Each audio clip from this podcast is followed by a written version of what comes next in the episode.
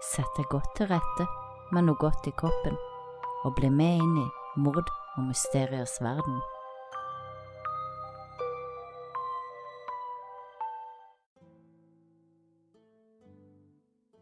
To jenter drar på tur i Panamas jungel med vertsfamiliens hund. Samme kvelden kommer hunden tilbake alene, uten jentene. Hva skjedde med Chris og Lisanne? 21 år gamle Chris Kremmer og 22 år gamle Lisanne From var to nederlandske studenter fra byen Amersfoort i provinsen Utrecht. Begge jentene hadde nettopp fullført sine studier. Lisanne innenfor vitenskap, Chris hadde spesialisert seg i kunst. Nå hadde de flytta sammen for å spare penger til en reise til Panama i Sør-Amerika. Her hadde de tenkt å lære seg spansk. I tillegg ville de gjøre frivillighetsarbeid for de lokale barna. Reisen skulle også være en belønning til Lisanne for å ha fullført studiene sine, og jentene de jobba i sammen på den lokale kafeen Indan Kleinenhap. Så brukte de ca. seks måneder på å spare opp nok penger til Panamaturen. Lisanne hun ble beskrevet som fremadstormende optimistisk og intelligent, som en lidenskapelig volleyballspiller, mens Chris hun var den kreative og ansvarsfulle. Det var 15. mars 2014 at Chris og Lisanne ankom Panama. Her skulle de være de neste seks ukene. De første to ukene så brukte de på å reise rundt i Panama og bli kjent med stedet og Panamas jungel. 29. mars så ankommer de den lille fjellbyen Bouquet, hvor de skal bo hos en lokal familie resten av turen, mens de gjør frivillighetsarbeid for de lokale barna. De vil lære barna kunst og håndverk, samtidig som de selv lærer seg spansk. Og 1. april, fire dager etter at de ankom vertsfamilien, så bestemte Chris og Lisanne seg for å ta en tur i Panamas jungel. Med seg på turen hadde de vertsfamiliens hund, Blue. Jentene sa at de skulle gå tur rundt Baru-vulkanen, og på Facebook så oppdaterte jentene at planen var å gå rundt Bouquet. Klokka var elleve om morgenen da jentene starta på turen. Noen øyenvitner mener at de så at jentene spiste brunsj med to unge nederlandske menn, før de la i vei innover Panamas jungel. Det tar ca 40 minutter med bil å komme seg fra Bouquet og til basen av den fremdeles aktive vulkanen Barou som også ligger i en nasjonalpark. Området blir ofte kalt for Lille Sveits på grunn av sine likheter og de bratte engene, krystallklare innsjøene og furuskoger i Alpene. Lokale arkitekter har gjort sin del av jobben for å få byen til å ligne en snøløs versjon av Sermalt og Grindevall. Området er svært populært for pensjonister som ønsker å bo der på grunn av været og den fredfulle atmosfæren. Stedet er også en ynda plass for fuglekikkere og friluftseventyrere. I gatene ligger butikkene på rekke og rad, og mange av de tilbyr alt fra skogsafari til fjellklatring og rafting. Det hender at turister går seg vill, men de dukker alltid opp igjen, enten på egen hånd eller etter å ha blitt funnet av letemannskaper. Om kvelden 1. april, flere timer etter at jentene hadde lagt ut på tur, ble vertsfamilien bekymret da hunden deres Blue plutselig kom tilbake uten Chris og Lisanne. I Nederland satt jentenes foreldre og lurte på hvorfor jentene ikke hadde sendt de flere tekstmeldinger den dagen, sånn som de pleide hver dag. Da Chris og Lisanne ikke hadde kommet tilbake neste morgen, og i tillegg ikke møtte opp til en avtale med den lokale guiden, da slo vertsfamilien alarm. De tok kontakt med politiet og jentenes foreldre. 3. april to dager etter at jentene forsvant, så satte myndighetene i gang en stor leteaksjon i Panamas jungel. De fokuserte på området rundt Baru-vulkanen og området rundt Bouquet, og mange av de lokale deltok i letinga, men etter tre dagers intens leiting hadde de ikke funnet noen spor etter jentene. Chris og Lisannes foreldre var nå så bekymra at de tok med seg en etterforsker fra Nederland og fløy ned til Panama. Foreldrene utløfte også en dusør på 30 000 dollar til de som kunne komme med opplysninger om hvor jentene befant seg. Og de neste ti dagene så leita foreldrene etter jentene, side om side med politiet og deres søkehunder. Men Chris og Lisanne var sporløst borte. Dager ble til uker, og etter ti resultatløse uker begynte politiet å trappe ned leitinga da ei kvinne plutselig dukka opp på politistasjonen med en blå ryggsekk. Kvinnen sa hun hadde funnet ryggsekken i kanten på elvebredden i Risåkeren, i nærheten av landsbyen der hun bodde. Hun var helt sikker på at ryggsekken ikke hadde ligget der dagen før. Inni ryggsekken fant politiet to par solbriller, 83 dollar i kontanter, ei vannflaske, Lisanne sitt pass, Lisanne sitt kamera, to bh-er og Chris og Lisannes mobiltelefoner, en iPhone og en Samsung Galaxy. Alt lå finpakka inn i sekken, alt var tørt og i god stand. Politiet gikk straks i gang med å undersøke Lisanne sitt kamera og jentenes mobiltelefoner, og de fant urovekkende bevis. Jentenes telefoner hadde vært i bruk i elleve dager etter at de forsvant, og de hadde forsøkt å ringe politiets nødtelefon 77 ganger, både til 112, som er nødnummer i Nederland, og til 911, som er nødnummer i Panama. Den første samtalen til nødnummeret hadde jentene gjort bare timer etter at de la ut på tur. Først hadde de ringt fra Chris sin iPhone, og ti minutter senere hadde de forsøkt å ringe fra Lisanne sin Samsung Galaxy. Ingen av samtalene kom igjennom på grunn av manglende mobildekning, og kun én av gangene hadde jentene kommet igjennom til nødnummeret det var to dager etter forsvinninga, men samtalen varte bare i ett sekund før den mista forbindelsen. På den 5. april klokka fem om morgenen gikk Lisanne Samsung tom for strøm, og ble etter dette aldri brukt igjen. Chris sin iPhone var fremdeles på, og hadde blitt brukt til å lete etter signal. Og den 6. april ble det flere ganger slått inn feil pinnkode, Chris sin iPhone, og etter dette ble han aldri låst opp igjen med riktig kode. Og mellom 7. og 10. april ble det ringt 77 ganger til nødnummeret i Nederland og i Panama. Og den 11. april ble iPhonen slått på ti på elleve om morgenen, og slått av for aller siste gang en time senere, fire minutter på tolv. Da politiet gikk gjennom Lisanne sitt kamera, så fant de flere bilder. De fant flere bilder tatt 1. april, dagen da jentene forsvant.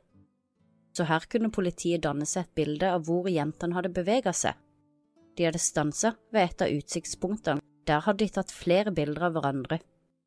Chris i lyse dongerishorts, en rød og hvitstripete topp og det lange, røde håret hengende løst, smilte mot kamera på flere av bildene. Hun var avbildet på utsiktsposten og gående i en steinete elv med lite vann i Panamas jungel. Lisanne hadde på seg en turkis luftig topp og smilte mot kamera med halvlangt mørkt, bølgete hår hengende over skuldrene. Men så fant politiet et sett med 90 bilder.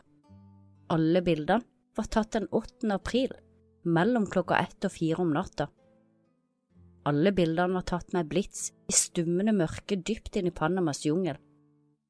På noen av bildene kunne det se ut som om jentene var nær ei elv eller en bekk, noen bilder viste en kvist med en plastpose, og noen med rødt dropspapir surra fast liggende på en stein.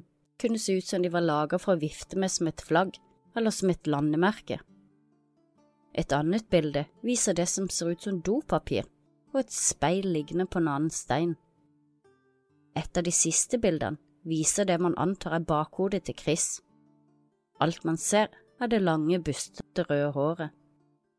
Politiet satte straks i gang en ny leteaksjon etter jentene i området der hvor ryggsekken ble funnet, og de prøvde å følge stien som de mente jentene hadde gått ut ifra bildene.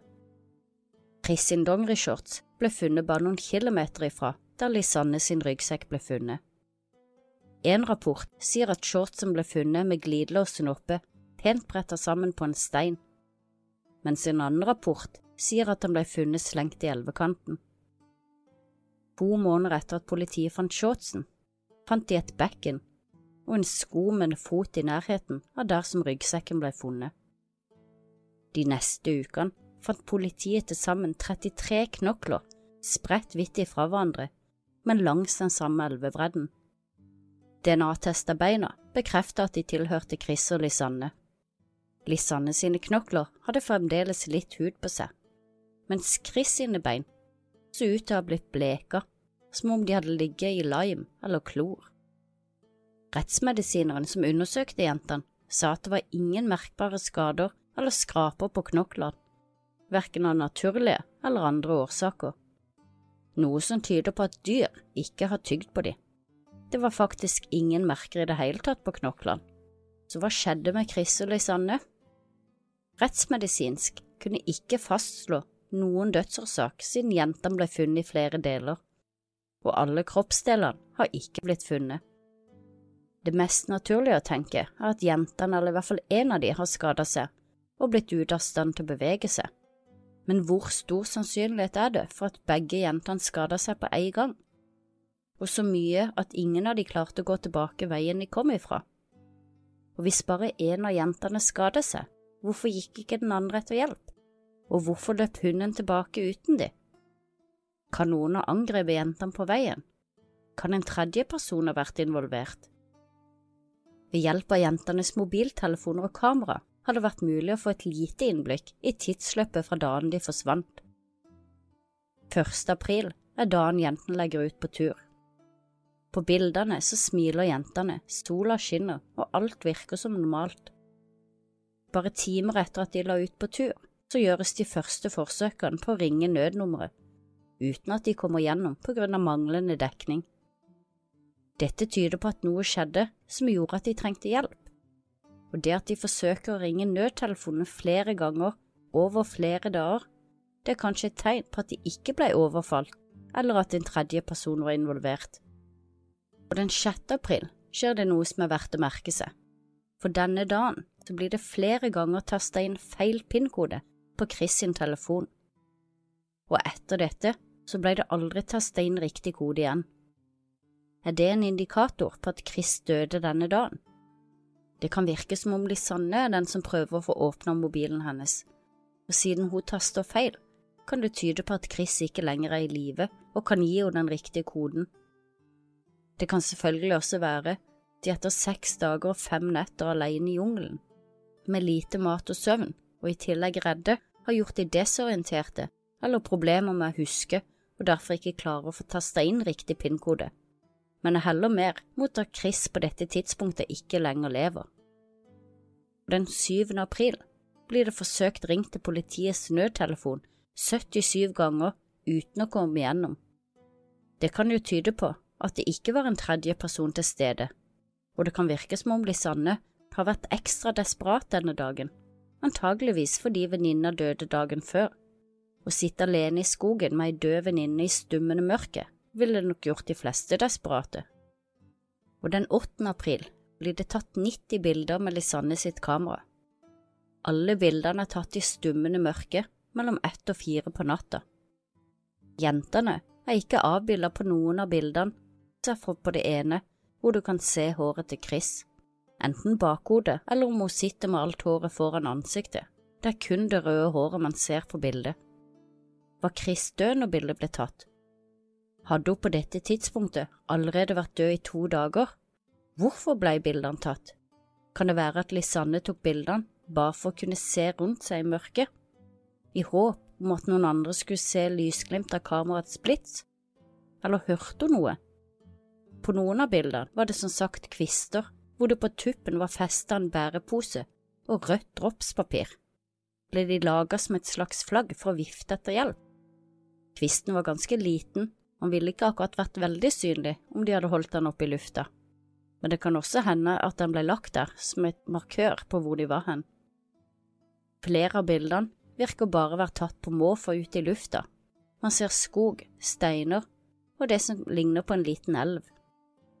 Men en interessant ting med bildene, som gjør det hele svært forvirrende, er bilde nummer 509. Det bildet var sletta helt fra kameraet og det var ikke bare sletta, men det var fjerna helt. Og for å kunne gjøre det, kunne fjerne det helt, så må man koble kameraets minnebrikke til en datamaskin og manuelt gå inn og fjerne det. Dette har fått mange til å spekulere i at myndighetene har tukla med kamera. Spørsmålet er hvorfor, og hva som skjulte seg på bildet. Det er i hvert fall utelukka at jentene sjøl kan ha fjerna det bildet. Så hvem gjorde det, og hvorfor? Bilde nummer 508, bildet før det som var sletta, viser Chris smilende, stående på en stein i en liten bekk med rennende vann. Det neste bildet er bilde 510, som er et av de 90 bildene som ble tatt om natta 8. april. Det bildet viser de to kvistene på en stein, med rødt dropspapir surra rundt på toppen.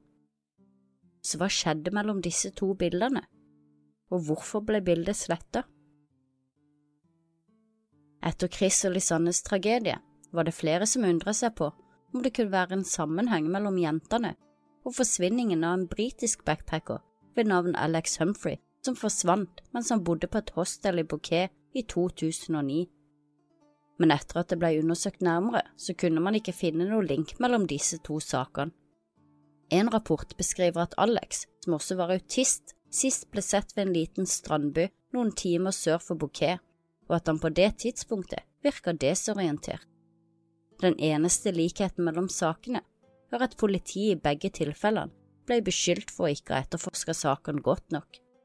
Selv om politiet tidlig konkluderte med at Chris og Lisanne døde etter har blitt skada i skogen, er det flere spørsmål som ikke er besvart eller undersøkt godt nok, ifølge familien og andre etterforskere. Dere husker de 33 knoklene som ble funnet, hvor de bekreftet at det var Chris og Lisanne sitt DNA, men det var ikke alt politiet fant når de analyserte knoklene.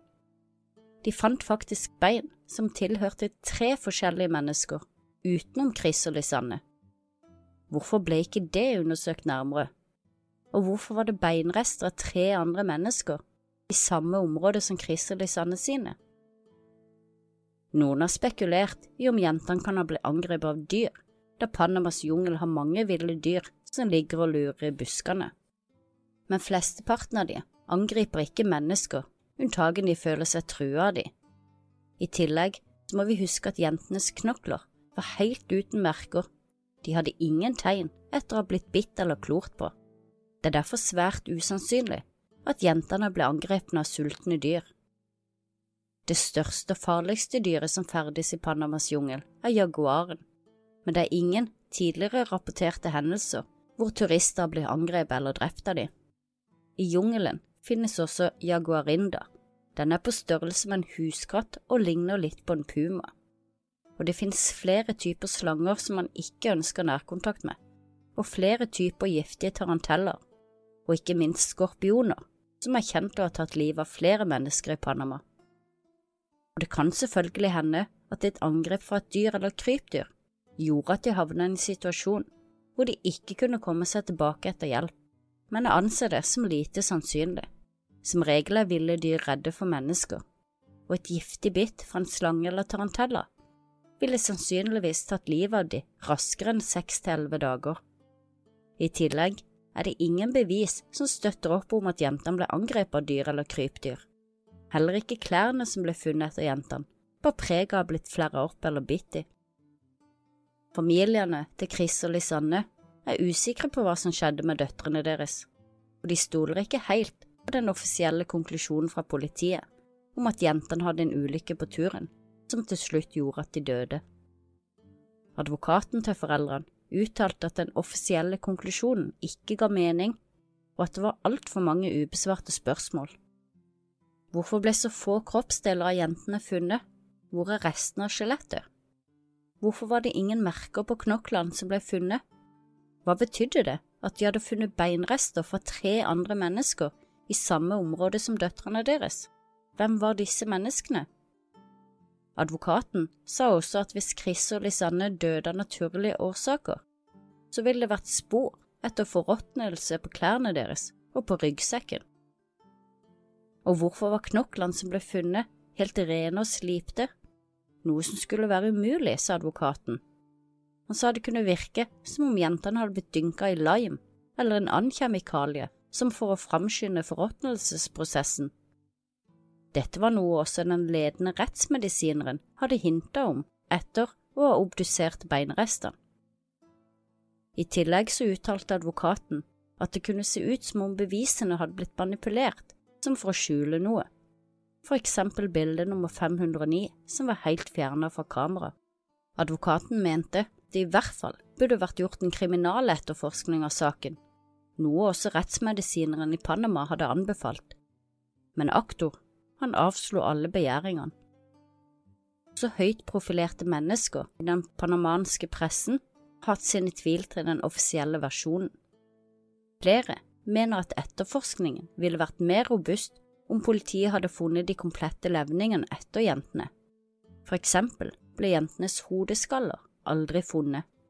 De tror at den største grunnen til at politiet ikke etterforska skikkelig, var at de tidlig slo fast at jentene døde etter en ulykke, var behovet for å beskytte turismen i Panama, som er en stor del av byens virksomhet. Flere har spekulert i om jentene kan ha blitt tatt til fange av en av urfolksstammene som holder til i Panamas jungel. Det finnes mange sånne stammer lokalisert i hele området, og det bor nærmere 30 000 urfolk i hele Panama og Costa Rica. Flere av disse er også ekstremt religiøse og har ofte en egen måte å rettferdiggjøre sine handlinger på.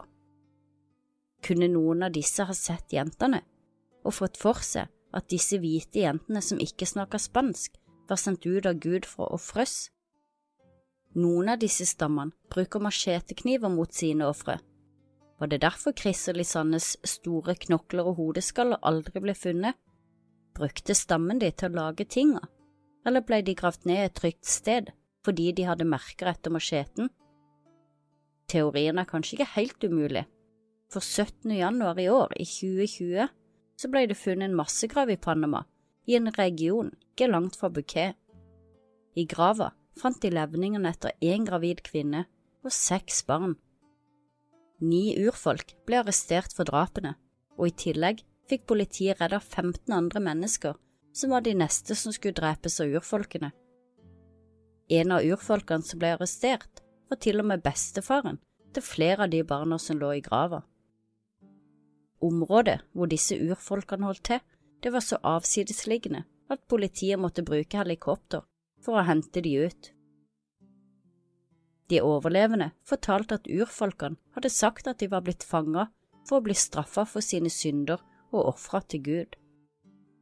Sjøl tror jeg det er lite sannsynlig at de ble tatt til fange av en urfolksstamme, mest på grunn av mobilene og bildene som ble tatt med kamera. Jeg føler liksom at det peker mot at de var alene i jungelen.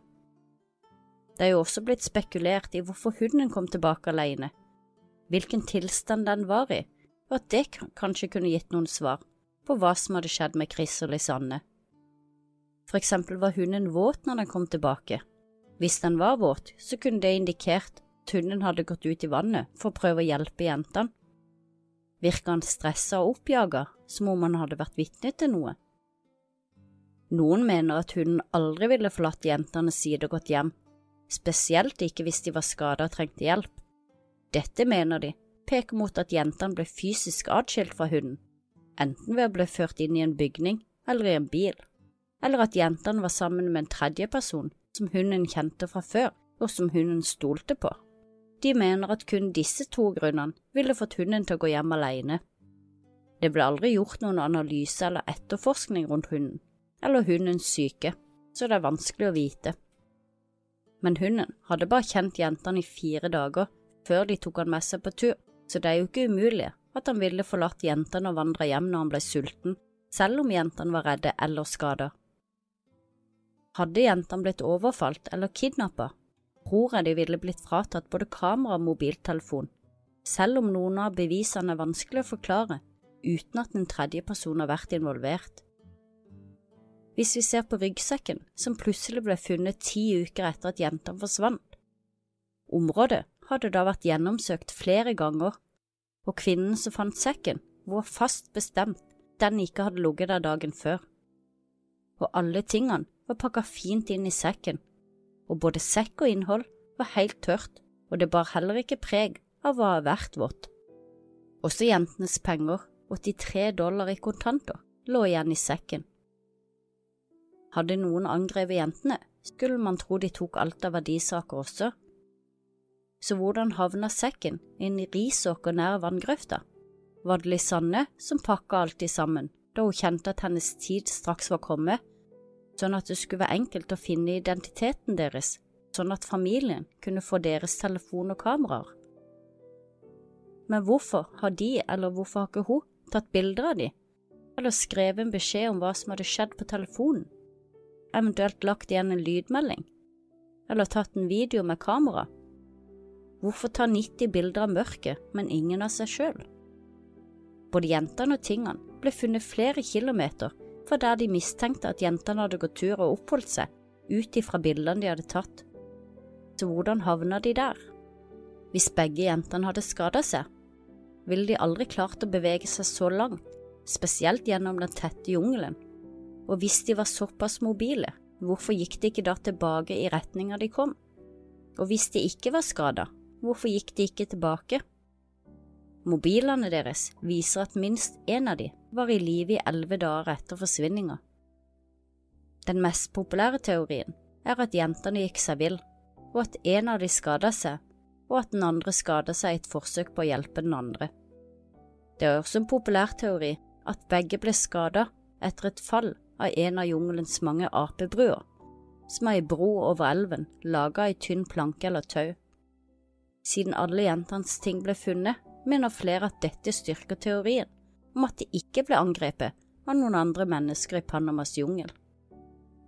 Og kanskje var det en ulykke som skjedde for Chris og Lisanne den fatale første dagen i april, men tilbake sitter familien med mange ubesvarte spørsmål. Hvorfor forsøkte ikke jentene å ringe hjem eller sende meldinger? Selv om de var uten dekning og derfor forsøkte å ringe nødtelefonen, er det likevel mange som synes det er rart at de ikke prøvde med tanke på situasjonen de var i. Og hvorfor la de ikke igjen en beskjed, enten i skriftlig form eller via kamera?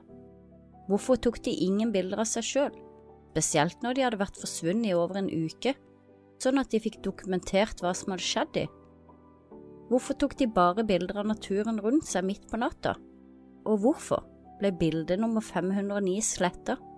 Hvorfor ble sekken funnet tørr og fin, på tross av at det regna flere av nettene? Og hvorfor ble ikke jentene funnet de første dagene og ukene, når området ble grundig gjennomsøkt? Det er alle disse spørsmålene som gjør at familien deres ikke klarer å slå seg helt til ro med at jentene ikke ble utsatt for noe i Panamas jungel. Selv så heller jeg mer mot at jentene var utsatt for en ulykke. Det skal være vanskelig å gå seg vill på stedet de gikk tur, da området har mange fine, synlige turstier. Det er ingenting som tyder på at de ble angrepet av dyr. Og hvis de ble angrepet av mennesker, tror jeg ikke de ville sittet i Panamas jungel med jentene i over en uke, ringt nødnummeret og tatt vilkårlige bilder ute i natta. Kanskje skjuler myndighetene i Panama noe slik mange mistenker men om det de skjuler er relevant til hvordan jentene døde, det er jeg mer usikker på. Antageligvis vil vi aldri få vite sikkert hva som skjedde med Chris og Lisanne, og hvorfor de ikke var i stand til å skaffe seg hjelp eller gå tilbake.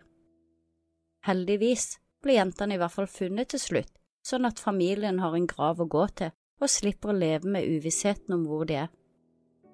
Jeg legger linkene til bildene som ble tatt med Lisanne sitt kamera den 1. 8. april i beskrivelsen for dere som ønsker å se det.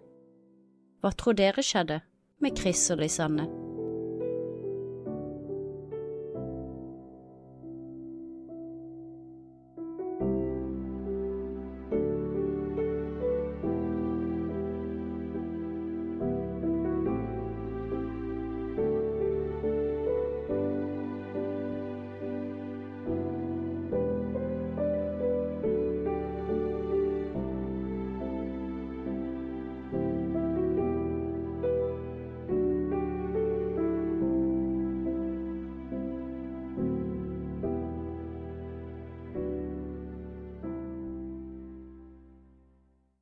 Har du et enkeltpersonforetak eller en liten bedrift? Da er du sikkert lei av å høre meg snakke om hvor enkelt det er med kvitteringer og bilag i fiken, så vi eh, gir oss her, vi. Fordi vi liker enkelt. Fiken superenkelt regnskap.